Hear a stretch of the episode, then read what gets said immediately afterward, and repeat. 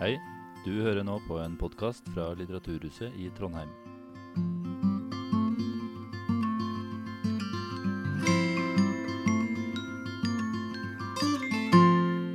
Da kan jeg ønske hjertelig velkommen til, til kveldens samtale med Sverre Koren Bjertnæs. Eh, Mitt navn er Trond Aam, er daglig leder for Litteraturhuset i Trondheim. Eh, Jeg skal lede samtalen. eh, Og først eh, gi noen eh, eh, praktiske opplysninger før vi setter i gang med selve samtalen.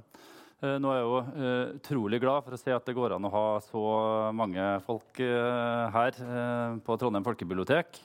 Og i det hele tatt at det lar seg gjøre å gjennomføre arrangement. Så jeg så i Adresseavisa senest i dag at det er ganske utrygt når Trøndelag Teater må avlyse forestillinga pga. karantene. og Det skal utrolig lite til for at for at eh, man må liksom lukke ned hele virksomheten. Og Derfor er det også ekstra viktig at, eh, at eh, alle her eh, også uh, følger smittevernreglene. Én meters avstand og, og munnbind hvis man skal gå rundt uh, i lokalet. Eh, Det blir jo av samme årsak ikke noe servering i kveld, eh, dessverre. Eh, Men vi skal vel være glad, for at vi i hele tatt kan gjennomføre. Og det er nødutganger både der og, der, hvor dere kom inn, og toaletter i barneavdelinga. Så det var vel sånn i hovedsak det praktiske. En veldig viktig eh, opplysning og det er at samtalen strømmes også live. Eh, Så vi, vi tenker jo at samtalen skal få gå som, en, eh, som vanlig, med mulighet for spørsmål fra salen eh, etter hvert. Eh, Vi kan ikke gå rundt med en sånn håndholdt mikrofon eh, pga. korona. så jeg skal prøve å oversette spørsmålene hvis det, hvis det kommer noen. Og så har jeg fått eh, et, eh, en anmodning fra sida om at eh, enkelte familiemedlemmer og venner kanskje må være ekstra oppmerksom på det at det blir strømma live når de skal stille spørsmål etter samtalen. Bare sånn at det, det er, er klart. Det vil også bli boksalg, og sikkert mulighet for en signatur også for de som, som ønsker det. Eh, Så det var vel alt det praktiske. Eh, Så hjertelig velkommen til deg, Sverre. Eh, Tusen takk. Jeg har jo grugleda meg til det her lenge. så Det blir, det blir morsomt. Ja, og du er jo ikke altså nå var, var jo, altså Boka var jo høyaktuell da vi først beramma samtalen. eh, og Så har den jo blitt utsatt flere ganger pga. koronasituasjonen. Men den er jo fortsatt veldig aktuell. Og ikke minst er du ekstra aktuell ved at du også eh, nettopp har åpna din eh, første store separatutstilling i Trondheim på, på over 16 år. Mm. så gratulerer med det. Takk for det. Eh, Men så til, den der, til boka, da. Som eh, i mellomtida, i løpet av alle de utsettelsene, så har den jo rukket å fått eh, et eh, overveldende antall eh, i hovedsak posit veldig positive anmeldelser. Eh, og det er jo en sånn altså en, en veldig personlig bok, en essaysamling som eh, med undertittelen 'Om kunst og alkoholisme'. og den, eh, Det handler om eh, begge deler. og Det er parallelle historier som flettes inn i hverandre, og skrevet på en veldig sånn enkel, tilforlatelig, eh, inviterende måte. Men nå hadde jeg jo, altså jeg hadde jo gleden av å få lest tidligere utkast også, så jeg vet jo at det, er, jo ikke, det er jo ikke så enkelt som det kan se ut som heller. Du har jobba veldig mye med den. Jeg har jobba ganske lenge med den boka, eh, gjennom et par år. Og det var jo egentlig ikke Jeg hadde ikke en sånn spesiell idé om at det skulle bli en bok heller. Jeg ble invitert til å skrive et, eh, et essay til et Jacob Weidemann-jubileum på Høvikodden. Eh, og det var første gang jeg egentlig satte meg ned og skrev, eh, skrev um, ordentlig. da. Og når jeg begynte å skrive om det, så valgte jeg meg et av de bildene jeg lever med i stua. Vi har uh, bilder av Jakob Weidemann og, flere andre. Jeg har jo også samla på kunst selv opp gjennom åra. Og mye av min eh, interesse for kunst er altså sånn kjærlighet til kunst. Så når jeg begynte å skrive om Jakob Weidemann og tok utgangspunkt i det her bildet vi hadde hjemme, så, så danna det seg egentlig en sånn uh, naturlig eh, måte for meg å skrive på, det var å, at uh, jeg ville skrive om kunst på den måten jeg selv uh, opplever den, altså som, som et slags sånn, medium til en selverkjennelse. Og det skulle man kanskje tro at det er en slags selvsagthet, men kunstfeltet har jo etter hvert blitt et sånt felt som er teoretisk. Det handler jo veldig mye om andre ting enn følelser, på en måte, så jeg ville prøve å, å skrive om, om kunst på en måte som var egentlig utelukkende hadde sånn emosjonelt blikk. Og derfor ble også boka veldig eh, personlig. Mm. Og den, men hvordan kom, eh, hvordan kom alkoholen inn i, i fortellinga?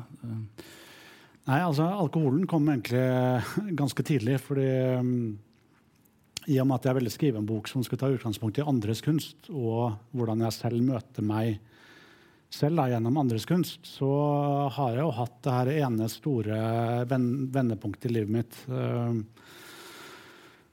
og da sier jeg ikke det fordi at de andre vendepunktene er eh, Det er ikke for å nedskalere de. Jeg har truffet eh, kona mi. Det er masse fantastiske ting i, livet. Men det store vendepunktet i livet mitt er på en måte det at jeg begynte å drikke og slutte å drikke.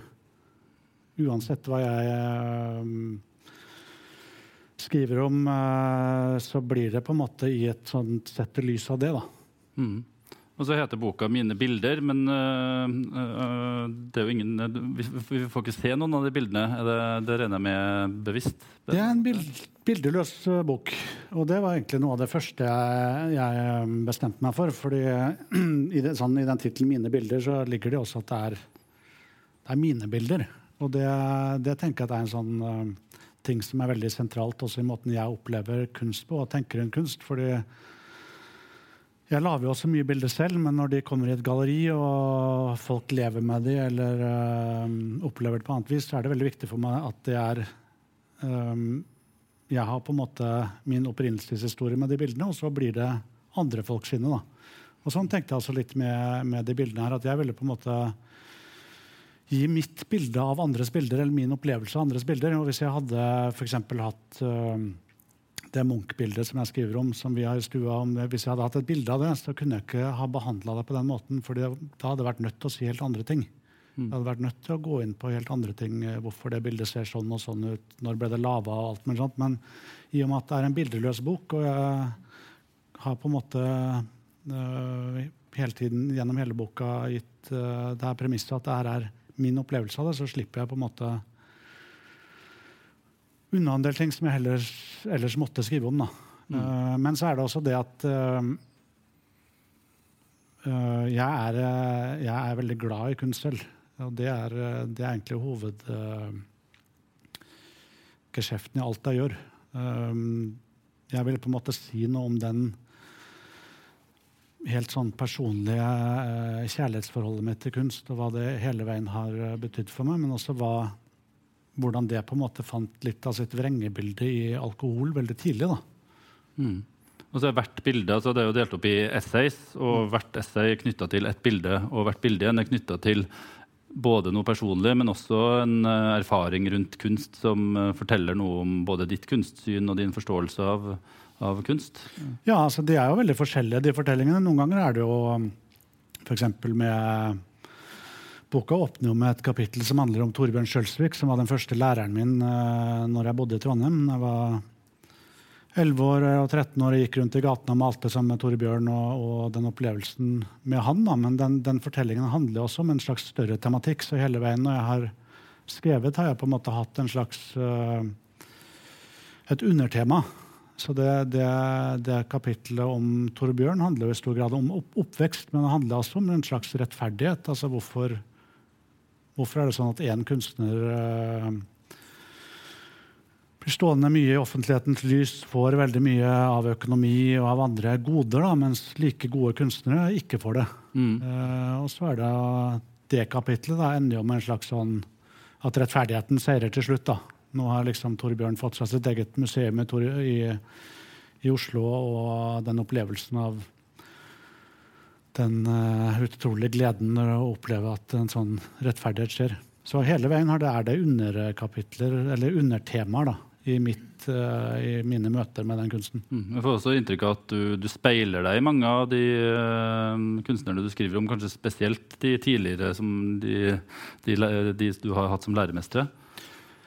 Ja, jeg speiler meg i all kunst. Jeg tenker det er på en måte det er det jeg, sånn jeg opplever kunst. Men det er klart at det er litt forskjell på noen av de her kapitlene. fordi jeg har hatt et sånt privilegium tenker jeg selv, at jeg har blitt uh, kjent med noen av de som jeg regner som store kunstnere. Da. Tidlig av med Odd Neidrum, senere med Bjarne Melgaard, og så også med Håkon Bleken. Uh, og de kapitlene hvor det har utvikla seg til personlig vennskap, uh, er jo litt annerledes. Mm. Og så er det, altså nå, det, nå, er jo, nå, er det jo litt spesielt både for deg og uh, oss som sitter her. For at uh, du er jo i Trondheim, hjembyen din. Og det sitter veldig mange i salen her som kjenner deg enten som familiemedlemmer eller som uh, tidligere venner. Mm. Og det er vel ingen av oss som kjenner deg fra før, som egentlig er så veldig overraska over at du, du, sitter her i dag som en anerkjent norsk kunstner. Men samtidig så slår det meg jo i boka at det har jo på ingen måte vært eh, en selvfølge for din del. Det, det, veldig mange av, altså Hele fortellinga er båret eh, av en veldig sånn sterk uh, tvil.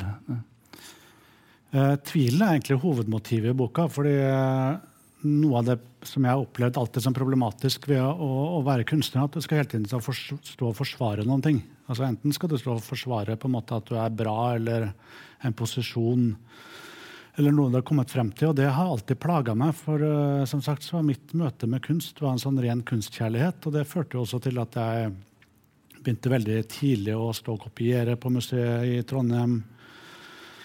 Jeg møtte Odd Nerdrum og ble en del av hans skole. Jeg har hele tiden på en måte også hatt en sånn uh, slags følelse av litt sånn kjerneløshet. da. Uh, og, og, kjerneløshet syns jeg er interessant. Uh,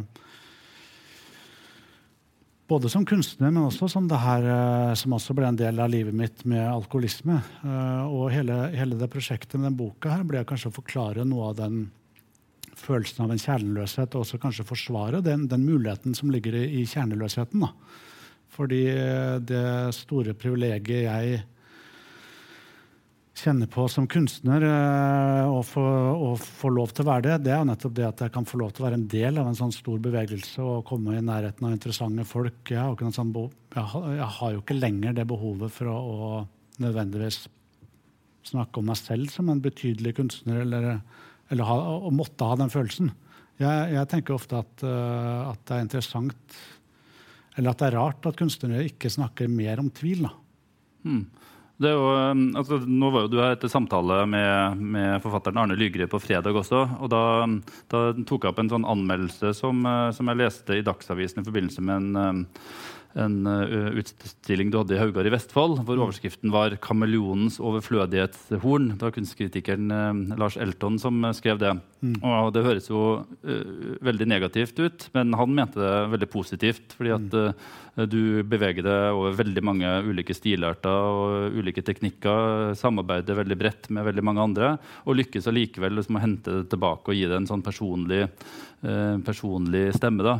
Men så utbrøt du ganske spontant da jeg sa det, at det var slett ikke alle som, som tenkte sånn på det. At det samtidig er veldig mange som kritiserer deg for en sånn kjerneløshet. Så hva, hva betyr det der temaet for deg selv personlig og som kunstner? Nei, for meg personlig så har det vært en sånn uh, ting som uh, plaga meg ganske mye til å begynne med. fordi når jeg begynte å, å, å, å tegne og male, så så hadde jeg hele tiden denne ideen om, at, uh, om uh, det å være kunstner. Og om jeg egentlig var kunstner i det hele tatt. Og jeg satt på en måte og lagde meg sånne små interne konkurranser som var helt umulige. Jeg satt og, sammenlignet meg selv med tegningen til Gedius når han var 11, eller Picasso. Det var på en måte sånn prosjekt som var nødt til å gå veldig ille. da. Mm. Uh, og det, det hadde jeg med meg ganske lenge. Uh, også i denne uh, møtet med Odd Da, for han har også laga seg en slags sånn pyramide hvor, uh, hvor da har liksom den store mesteren og hans elever. Men etter hvert så ble det her til noe helt annet for meg. det ble et slags brudd med, det ble et slags brudd med Odd Nerdrum etter hvert. Men etter at vi ikke har snakket sammen på 20 år, så gjør han et intervju hvor han snakker om en, jeg har endelig fått en stor retrospektiv eh, utstilling på Haugar, og så gjør han et intervju hvor han snakker om meg for første gang. Og da forteller han liksom at eh, ja, men det har gått ganske dårlig med Sverre. Han har blitt en sånn sosialdemokratisk maler. Og det var, det var, liksom det ypperste av fornærmelse han kunne komme på. da. Men, eh, men, for meg så tenker jeg Det er jo helt Det er veldig presist.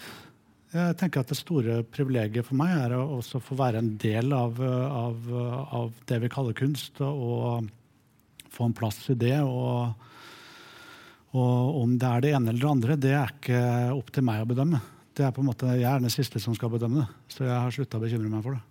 Men det er jo også sånn litt interne diskusjoner. Men det der med kunstneriske idealer, det har en sånn bølge. Eh, akkurat nå er vi i en bølge hvor de kunstnerskapene som er kontinuerlig, settes veldig høyt. Altså de som på en måte har eh, malt eh, mer eller mindre det samme bildet i 20 år. da, Med små variasjoner. Nå er vi et sånt ideal hvor det settes høyt. Men når jeg gikk på akademiet på 90-tallet, så var jo på en måte det det laveste idealet. altså Da ble det sett på som noe kommersielt.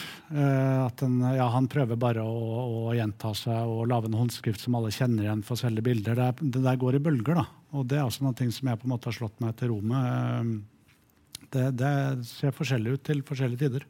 Men, men, Hva handler det med kjerneløshet om? For du, skri, du, skriver jo veldig mye om det først og fremst i forhold til deg sjøl, men også i forhold til andre kunstnere. Og blant annet så nevner du både Bjarne Melgaard og Picasso som eksempler på, eh, på kunstnere som liksom har en sånn åpenbar kjerne helt fra dag én, nærmest. Og Det var spesielt interessant eh, i forhold til Picasso, for du skriver også at du først Eh, eller lenge har hatt et forhold til Picasso om at han er veldig sånn upersonlig objektiv og litt for teknisk uh, fin. Mm. Uh, men så beskriver du i et av essayene en sånn uh, ja, hvor du har et tilbakefall med alkoholen som tilfeldigvis sammenfaller med at flyene røyk inn i tvillingtårnene. Mm. og hvor du går ut etterpå, og så ser du de fiskene, fiskerne på veggen av regjeringskvartalet som du tidligere har syntes vært litt kjedelige, og så plutselig så ser du det i et helt annet lys. Mm. Så, hvordan, eh, så er det ikke en litt sånn ambivalens i det, for da ligger jo ikke altså, det, det, det, kjernemessige og sånn, den opplevelsen av kunst. Ja, men det er vel kanskje det at jeg til å begynne med hadde en sånn helt spesifikk idé om hva det vil si å være kunstner. Uh, og at jeg kjente meg veldig lite igjen i den ideen. Men store kunstnere kommer på en måte i alle former. Uh, det er ikke sånn at du må ha et spesielt sett med menneskelige egenskaper eller for å bli kunstner eller for å bli stor kunstner. Jeg har tenkt etter hvert, eh, Du trenger ikke engang å være et godt eller et dårlig menneske. Det er på en måte bare hvor ærlig du greier å være med råmaterialet ditt. Da. Eh, og greier du å være ærlig nok, så kan du på en måte også snu dårlige sider til gode sider, og det kan bli en sånn uh, man kan få det til likevel, men så er det jo noen sånne unntak. for du vet, Å snakke om Picasso er veldig det er egentlig umulig. Det er som å snakke om uh, Mozart. Det er sånne uh,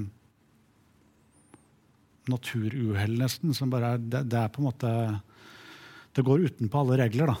Uh, og, og min type, mitt forhold til Picasso begynte veldig seint. For jeg husker jo jeg kom ut fra det dogmatiske rundt Nerdrum, og jeg hadde kommet inn på akademiet, og sånn, og så gjorde jeg et intervju. da. Og da sa jeg at uh, nei, Picasso var en uh, middelmådig begavelse. Uh, det er litt sånn typisk ting som man sier når man går hos Odd Nerdrum. Øde Nerdrum sier jo sånne ting, og folk syns det er festlig, og sånn, men det som skjedde med meg, var at jeg, da kom det altså en eldre maler opp på akademiet egenhendig for å gi meg juling. Men det det hjalp ikke. Det tok veldig lang tid. Altså, enkelte kunstnerskap er mye hardere å trenge gjennom. Det går også på, og, på hva slags perspektiv kunstnere legger opp. Det er lettere å forstå en kunstner som er personlig, f.eks. Uh, selvbiografisk personlig. En kunstner som er som Picasso, som har mer et sånt uh, overblikk. Da blir alt seende ut som fenomener som sånne for, som, som, om det er formalt, først og fremst. da. Men det er bare at det å selv prøve å anlegge det overordna blikket er iallfall for min del en sånn umulighet. Så det tok bare tid for meg å skjønne hva det egentlig var for noe. Ja, men samtidig så er det, det er en sånn brytning i hvordan folk oppfatter det mellom uh, det å være sterkt subjektiv og det å være tom, på en måte, uh, som reflekterer det, det, den samme problemstillinga som du skriver om i boka. Hvordan da? Nei, at uh, Jeg leste en artikkel i Morgenbladet som var liksom veldig kritisk til en utstilling uh, som kritiserte deg for å være veldig teknisk, uh, men ja, ja. for eksempel. Det, er, det, har jeg på en måte opplevd gjennom hele karrieren min. fordi det er jo noe av det som Det er mye privilegier med å være maler, men det, det, som er trist med det, er på en måte det at ingenting forsvinner, og folk danner seg et slags bilde. og Det er derfor det blir denne uh, greia med at folk danner seg kontinuerlig kunstnerskap. Fordi det er, det er sånn det blir lest. Uh, for meg ble det umulig, fordi jeg kom ut fra Nerdrum. Jeg skulle på en måte, Der kunne ikke jeg bli, så jeg måtte forandre meg mye. Og så ble det en sånn rekke av forandringer. Uh, men uh, den kjerneløsheten jeg er interessert i, spesielt i den boka, opptrer jo også på to litt forskjellige plan. Fordi jeg jo, har kjent mye på den som kunstner, men jeg har også kjent veldig mye på den som menneske. da. Og jeg tror det var det som gjorde at jeg måte, mitt møte med alkohol ble så stort. Eh, det ble en slags sånn lettvint løsning for meg å, å finne den kjernen veldig fort. At, uh, jeg husker Den første gangen jeg drakk, så følte jeg meg på en måte hel. Uh, og det glemmer jeg aldri. og det var jo da var jo i Trondheim da jeg var sånn 15-16 år, og den, den følelsen den, den, følelsen av helhet av kjernefullhet. Det var vel det som ble møtet med alkohol for meg. og den, Det var to par, par, parallelle løp som gikk for meg lenge da, med, med kunst og alkohol. Mm. Uh, altså nå, jo, uh, nå, sa jeg jo innledningsvis at det er sikkert ingen av de som kjenner deg fra gammelt av, som sitter her i dag, som er overraska over at uh, du sitter her som en veldig anerkjent kunstner i dag. Men, men, samtidig så er det kanskje med et lite men, et, eller et lite forbehold. fordi at det var kanskje heller ingen her som ikke frykta at, at, det kunne gå skikkelig ille med deg og alkoholbruken. Mm. Uh, og, mm, jeg, har, jo selv opplevd uh, hvordan du drakk sånn i 16-årsalderen. Og det jeg reagerte, eller det jeg tenker mest tilbake på da, var, var ikke liksom bare at du drakk mer enn mange andre, men at du også reagerte fysiologisk helt annerledes. på en måte. Ja, jeg tror det lå i kortene veldig tidlig av for min del. Men jeg må også si det fordi den boka her ble veldig personlig. Den ble handlet mye om alkoholisme og de årene som var der. Men jeg har også alltid tenkt på meg selv som en uhyre privilegert fyr. Uh, både privilegert med bakgrunn her fra byen, med medgang. Jeg hadde jo tidlig en karriere, jeg møtte folk som ville meg vel. Men jeg har også hatt et veldig privilegert løp som uh, rusavhengig, da, hvis man skal si det. Fordi jeg har jo opp gjennom åra møtt masse mennesker som har slitt med rus, uh, og som har på en måte ikke har hatt mine forutsetninger og ikke har hatt uh,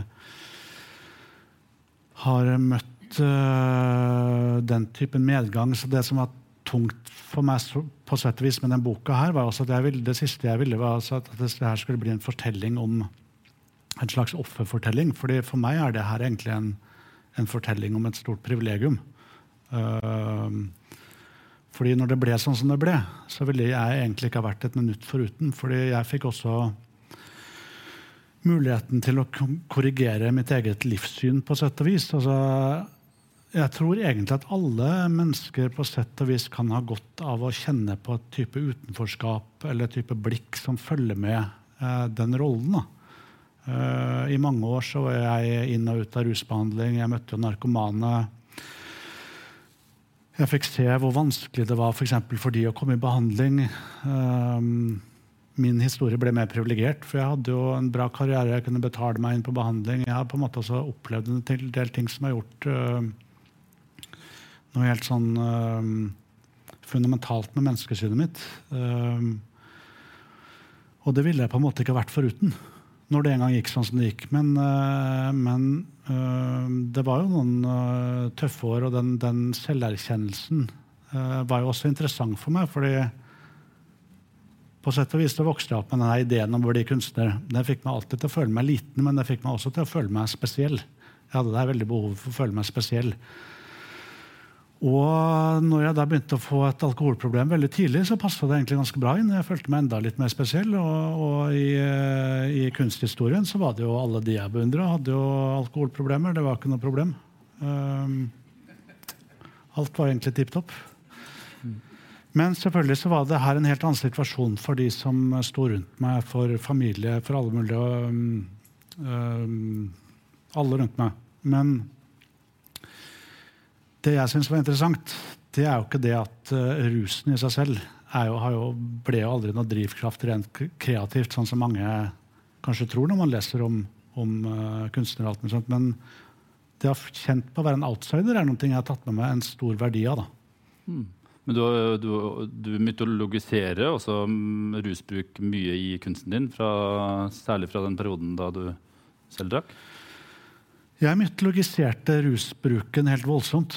Jeg husker en gang, eh, faktisk Den siste gangen jeg hadde en stor utstilling her i byen, så hadde jeg kommet ut av, en, eh, av et klinikkopphold. Jeg hadde en stor utstilling på Trondheim kunstmuseum som het Inkognito, som var da navnet på rusklinikken. Mm. Uh, og den uh, utstillingen besto av bilder av Kurt Cobain, uh, blå rom med bilder som bare var synlige i ultrafiolett lys, som et slags sånn sprøyterom et slags sånt uh, offentlig oppgjør med egen rusbruk. da. Men det var jo ikke noe jeg var klar for. Altså, jeg hadde den åpningen, jeg dro fra byen, og før jeg hadde lest kritikken på denne utstillingen, så satt jeg tilbake på samleklinikk. Uh, det var på en måte noe veldig sånn syntetisk over hele oppgjøret, og, og det varte jo lenge. Uh, jeg tror noe av det som gjør det hvis vi først snakker om det med rus, så er det noe av det som gjør det så uhyre uh, komplisert, er det at uh, selv om du sier at uh, min vennegjeng og alle mulige sånn hadde nok en slags mistanke om det, så er det, det går så veldig sakte. Fordi personlig så flytter du grensene dine veldig, veldig seint. Så selv om alle andre rundt deg skjønner det, så er du nesten den siste som godtar det.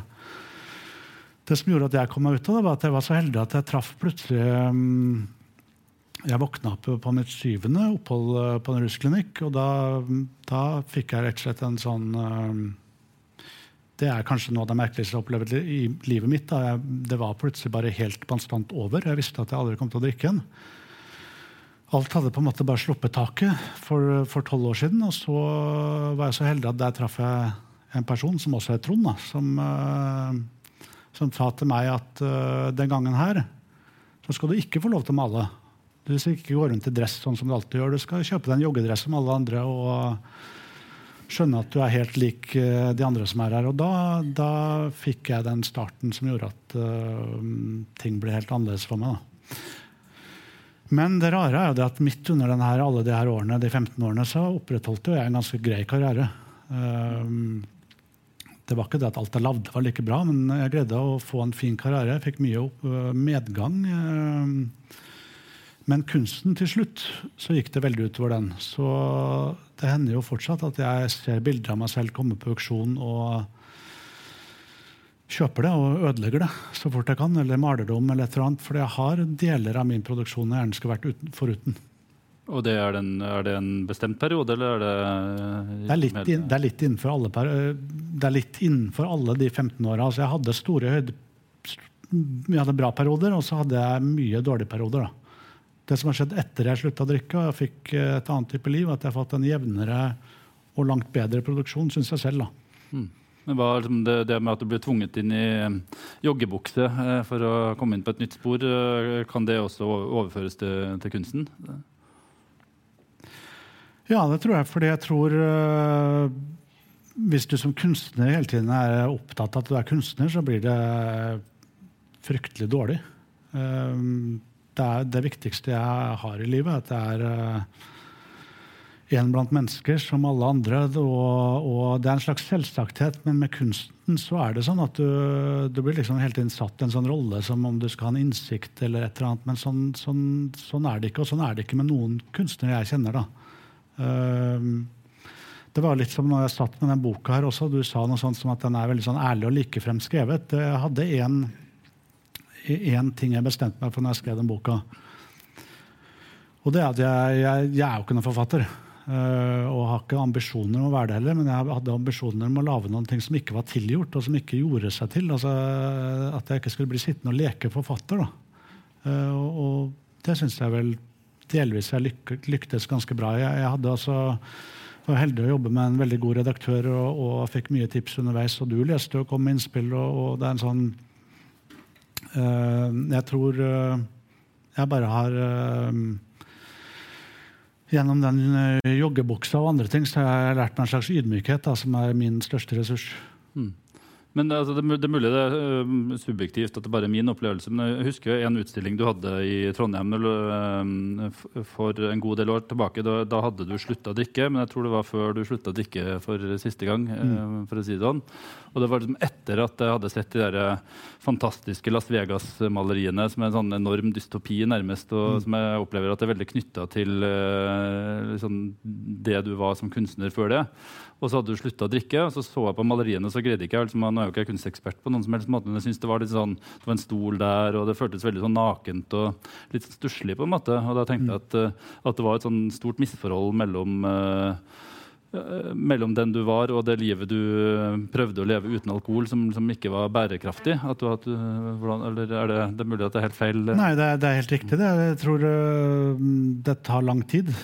Uh, spesielt etter man har uh, uh, slutta å drikke og, og, og, venne seg til et sånt liv og venne seg til og, og hvem man er etter det òg.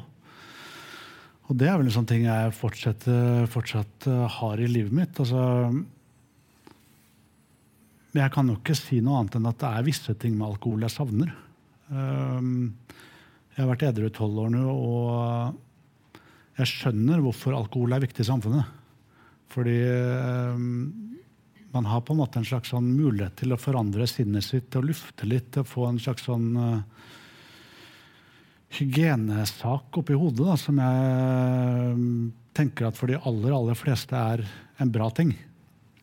Har man min type legning, så er det en umulighet. Men, men jeg syns jo på en måte at vi snakker Eller som en som har slutta å drikke tolv år, så syns jeg man snakker lite om hvor viktig alkohol er på en måte en sånn, sånn samfunnsvev. Eh, jeg tror mange tar det litt sånn for gitt. Men når du aldri kan drikke, så møter man det hele tiden. Eh, er det helg? Skal det feires noen ting? Eh, skal folk slappe av? Det er helt umerkelig, så er alkohol til stede da. Og jeg syns endelig på en måte at det ble litt avslørt, det som jeg alltid har tenkt på. da. Når man under pandemien liksom i Oslo kan stenge barnehager og ungdomssentre og rustil uh, altså Man kan stenge alt, men Vinmonopolet det er bare klin umulig. Da går det to dager, og så er det, så er det åpent igjen. Uh, og det nærmer seg mer sannheten for meg, da, om hvordan det er hvordan alkohol er innvevd i samfunnet. Men som uh, rusmiddel, så, og i hvert fall hvis du har problemer med det, så er det jo veldig likt veldig mange andre ting, bortsett fra at det ikke er ulovlig. da. Mm. Mm. Men uh, altså, du skriver mye om det i boka, altså, hvordan du håndterer det sånn konkret. Altså, er, altså, er, det til å leve med? Det er fullt ut å leve med. Jeg har et fantastisk liv. Jeg er uh, lykkeligere enn jeg har vært noensinne. Jeg er mer uh, sosial enn jeg har vært. Altså, jeg, er, jeg fikk liksom bli et helt menneske til slutt uansett. Men mitt savn etter det er jo et savn etter en mulighet som jeg aldri hadde, men som mange andre har. da. Og det var viktig for meg når jeg skrev denne boka, å også være ærlig med det. Fordi øh, man har også et slags sånn press på seg når du har kommet ut av, av et slags type rusliv. Så skal du gå rundt og være takknemlig for det hele tiden. Uh, du skal um, utstråle takknemlighet over å ha kommet deg ut av det. sånn, og Det, det gjør jeg også, men øh, det, man må også Jeg ville iallfall også være helt ærlig med at det har det er tyngre dager òg. Og det vil jeg rett og slett fordi at jeg kjenner mange som har det problemet, som aldri kommer seg ut av det, og som blir veldig sånn blenda av en sånn uh, gladrushistorie, da, som min faktisk er. Uh, så jeg har på en måte vært veldig opptatt av å, å få frem tvetydigheten i det når jeg først skulle skrive om det. Mm. Noe av det jeg synes er interessant med, med, bildene, er den måten du liksom, inviterer leseren inn i å Eh, i hvordan man kan forstå kunst på en eh, personlig måte. Uh, noe som også er litt fascinerende, at det er veldig lite om penselstrøk og uh, maleteknikker. Altså, det er veldig mye handler om, uh, om personligheten til kunstneren og, og, de tingene som er viktige for kunstneren.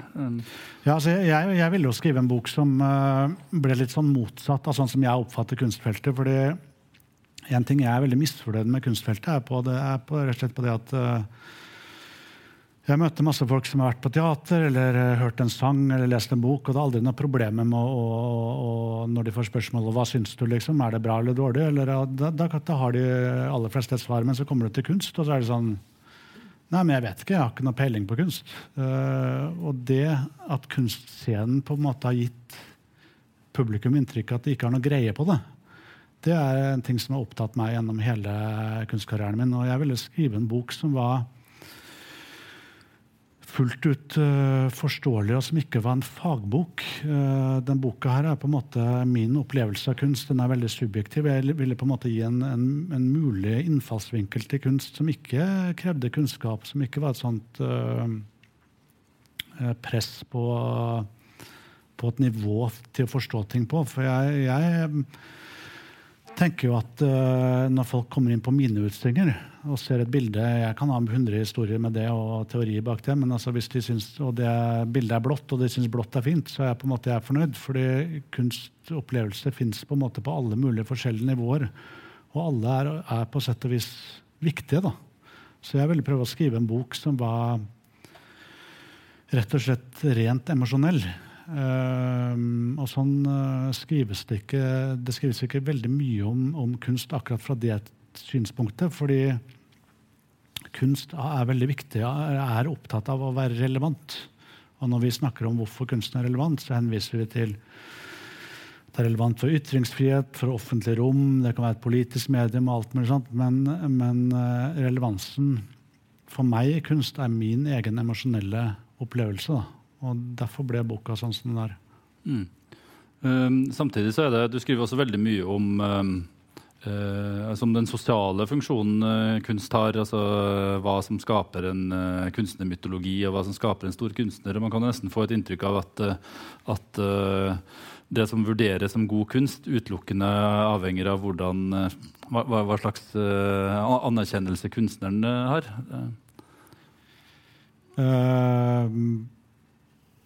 Ja, sånn at det ikke er fra verk til verk, men at det er Ja, det er nok riktig. Altså, et kunstnerskap blir veldig ofte bedømt som en, eh, stor gruppe med arbeidere. Det er sjelden man opplever ett og ett bilde som et godt kunstverk. fra det mente, men, mm. men rundt en kunstner så finnes det jo masse mekanismer. Um, om hvordan man liksom posisjonerer en kunstner, hvem som er viktig og ikke. Og jeg, jeg lik, likte også å skrive litt om de tingene, for jeg tenker at det er også en sånn uh, litt skjult ting for, for folk flest. da.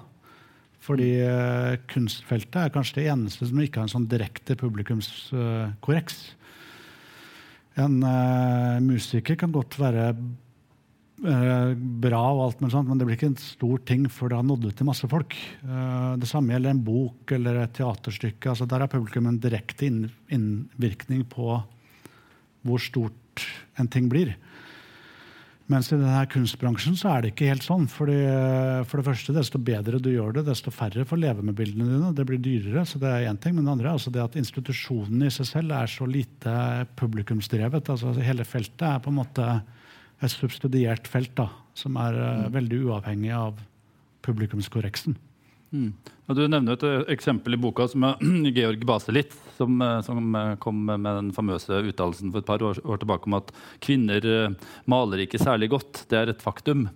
Eh, og det minner meg om at du sa noe lignende på steinene da du var 16. Men, nå, eh, men du, du, står jo ikke der nå lenger, i hvert fall. Men så, så kritiserer du Baselit sitt premiss om at, at, det er bare å se på markedsverdien, og at det er veldig få kvinner som på en måte verdsettes like høyt som menn. Så, så har du på en måte beviset på at, at kvinner ikke er like gode, og det er du uenig i.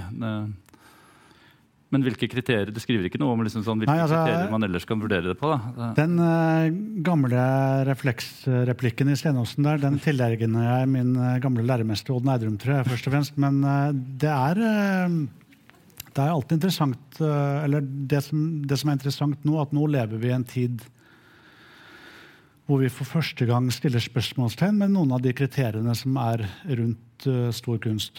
Og hvorfor noen kunstnere har blitt store, hvorfor andre har blitt glemt. Og Da kommer det selvfølgelig veldig uh, naturlig opp også det at vi har hatt en kunsthistorie som egentlig har gått glipp av halvparten av de store kunstnerne vi uh, kunne hatt, da, gjennom at den har vært så kjønnsdelt. Men også da frem til på 1800-tallet. Det var kvinnelige kunstnerskap, store, viktige kvinnelige kunstnerskap som ikke fikk den plassen de fortjente. Og sånn har det vært lenge. Helt opp til, til, vår tid. da. Nå begynner det å bli en litt annen situasjon, fordi det er et stort fokus på det her. Uh, mange, veldig mange flere maktinstitusjoner er styrt av kvinner, f.eks. Uh, uh, kunstakademiene er 75% kvinnelige elever nå, tror jeg. Så det kommer en helt ny tid. Men jeg har jo også vært interessert i det her jeg på en måte vokste opp med. altså det den store kunstneren, som egentlig var en sånn uh, mann var en, uh, ja, Gjerne en rusmisbruker. Det var masse sånne banale mekanismer rundt det som ble veldig viktig for meg veldig tidlig. Og så har det blitt desto viktigere senere igjen å vikle seg ut av det romantiserte nettverket. Da. Mm. Um, det er en um av de flere læremesterne du skriver mye om, så har du også et eget kapittel eh, via Håkon Bleken, som du fortsatt står veldig nært eh, her i Trondheim. Mm. Og noe av det interessante du skriver der, er at eh, at du trekker fram Håkon Bleken som den siste i en sånn lang generasjon med malere som har en uh, lokal forankring. Uh, mm. Mens uh, din generasjon de har, de har mista den forankringa, med, med, den kostnaden at alt blir veldig likt. Mm. Men hvordan altså Du forholder deg også til Trondheim og til Håkon Bleken og det han, han gjør. Hvordan forholder du deg til det lokale? Nei, For meg har det blitt viktigere og viktigere. og, og bare for å forklare det resonnementet du snakker om, så er det det at norsk kunsthistorie er så latterlig kort. Altså, øh, norsk kunsthistorie starter på sett og vis med, med Stoltenberg som den første norske maleren. Og da er vi på sånn 1860-tallet en gang.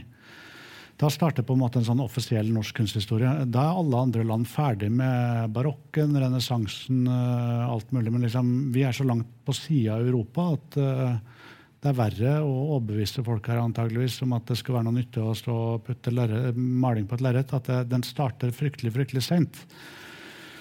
Uh, det som skjedde, på en måte er at ved at den er så liten og så kort, så blir det en slags sånn naturlig bro fra maler til maler.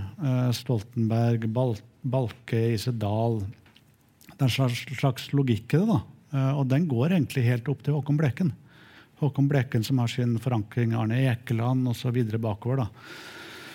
Det som skjedde med min generasjon, og det er selvfølgelig den største tingen i alle ting i hele min generasjon, ikke bare kunstig, men at du fikk Internett. Så plutselig kunne jo alle følge med på hva alle gjorde til enhver tid. Og det gjaldt jo også kunst. Så plutselig begynte da en ung maler å se lik ut i Oslo,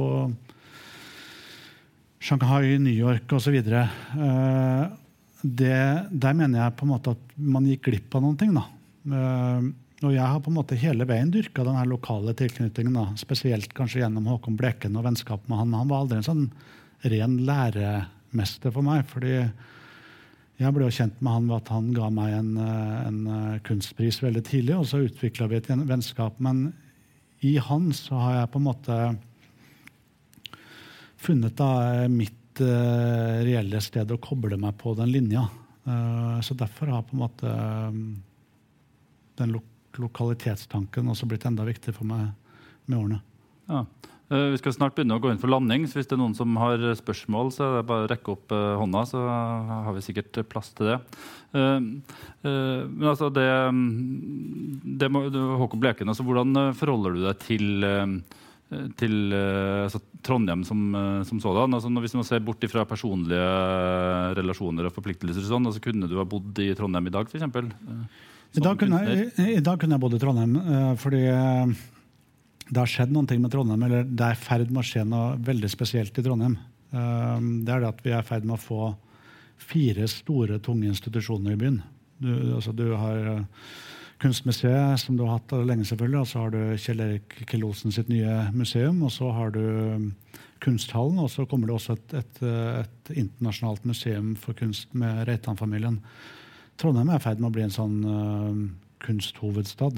Uh, det, her kommer, det, det, her kommer til å føre til at det kommer til å bli, håper jeg, da, en sånn brei eh, kunstinteresse. Når jeg vokste opp her, eh, så tror jeg det er sånn f.eks. Eh, at man skulle hatt en Michelin-restaurant her. så er Folk ville ledd litt av at det er en sånn snobbete, tåpelig ting. Men så har man på en måte blitt stolt av det og, og Og hele det her litt sånn elitistiske imaget til kunst det tror jeg kommer til å forsvinne vel, da Trondheim kommer til å bli Norges mest dynamiske uh, kunstby.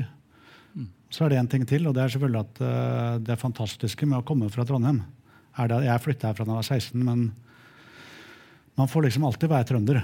Uh, og den patriotismen der er jo helt fantastisk å oppleve. med, med bare at man blir gitt plass, at man blir på en måte inkludert så veldig. Så jeg, jeg syns jo Ja, jeg kunne godt ha flytta tilbake til nå. Mm, men du lever godt som trønder i eksil òg, da, tydeligvis? Ja. ja. Mm. Um, altså, et aller siste spørsmål. og Det er knytta til altså, noe du skriver i de første kapitlene om, uh, om, at du har hatt noen veldig viktige læremestere, uh, på godt og vondt, uh, kan man si. Men de erfaringene du har gjort deg der, særlig med Odd Nerdum, har også ført til at du sjøl ikke ønsker å undervise elever. Altså, er, det, er det noe du har valgt for, for godt, på et vis?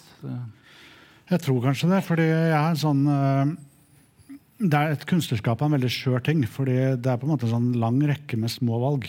Uh, og hvis de valgene hvis man påvirker noen i feil retning, og det blir tatt feil valg, så kan det hende at man Min store frykt er iallfall at man ødelegger noen ting som kunne, kunne ha blitt helt fantastisk. Så jeg tror nok ikke jeg kommer til å ta en sånn aktiv, uh, veldig aktiv rolle selv da, som, som lærer. Men jeg har jo også hatt folk som har gått hos meg vært assistenter og jobba lenge med meg, men jeg har alltid vært veldig opptatt av å ikke fronte de som en sånn uh, lærer-elev-situasjon. fordi jeg vet selv at det er uh, Det kan iallfall være en sånn enorm omvei. da. Mm, mm. Ja, men uh, jeg, tror, jeg, tror, at vi setter en strek der. Så, tusen hjertelig takk til deg, Sverre Bjertnæs. Takk skal du ha. Her har ikke registrert noen spørsmål fra salen, men jo, der er det ett. Vær så god. Ja.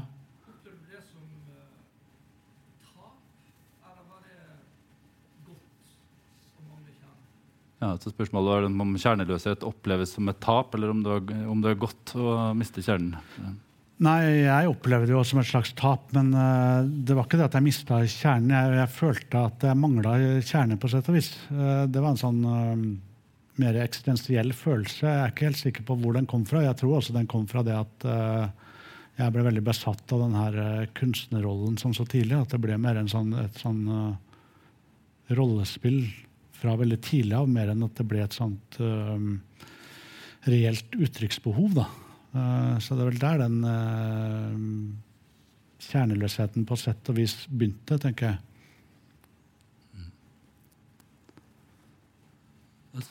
Ser jeg ikke flere som har tegna seg. Men det var mulig å sikkert spørre, stille spørsmål etterpå når, hvis det er noen som vil kjøpe bøker, f.eks. Så da tror jeg bare vi setter strek der. Tusen takk til deg igjen, Sverre, og tusen takk til publikum. Takk skal du ha.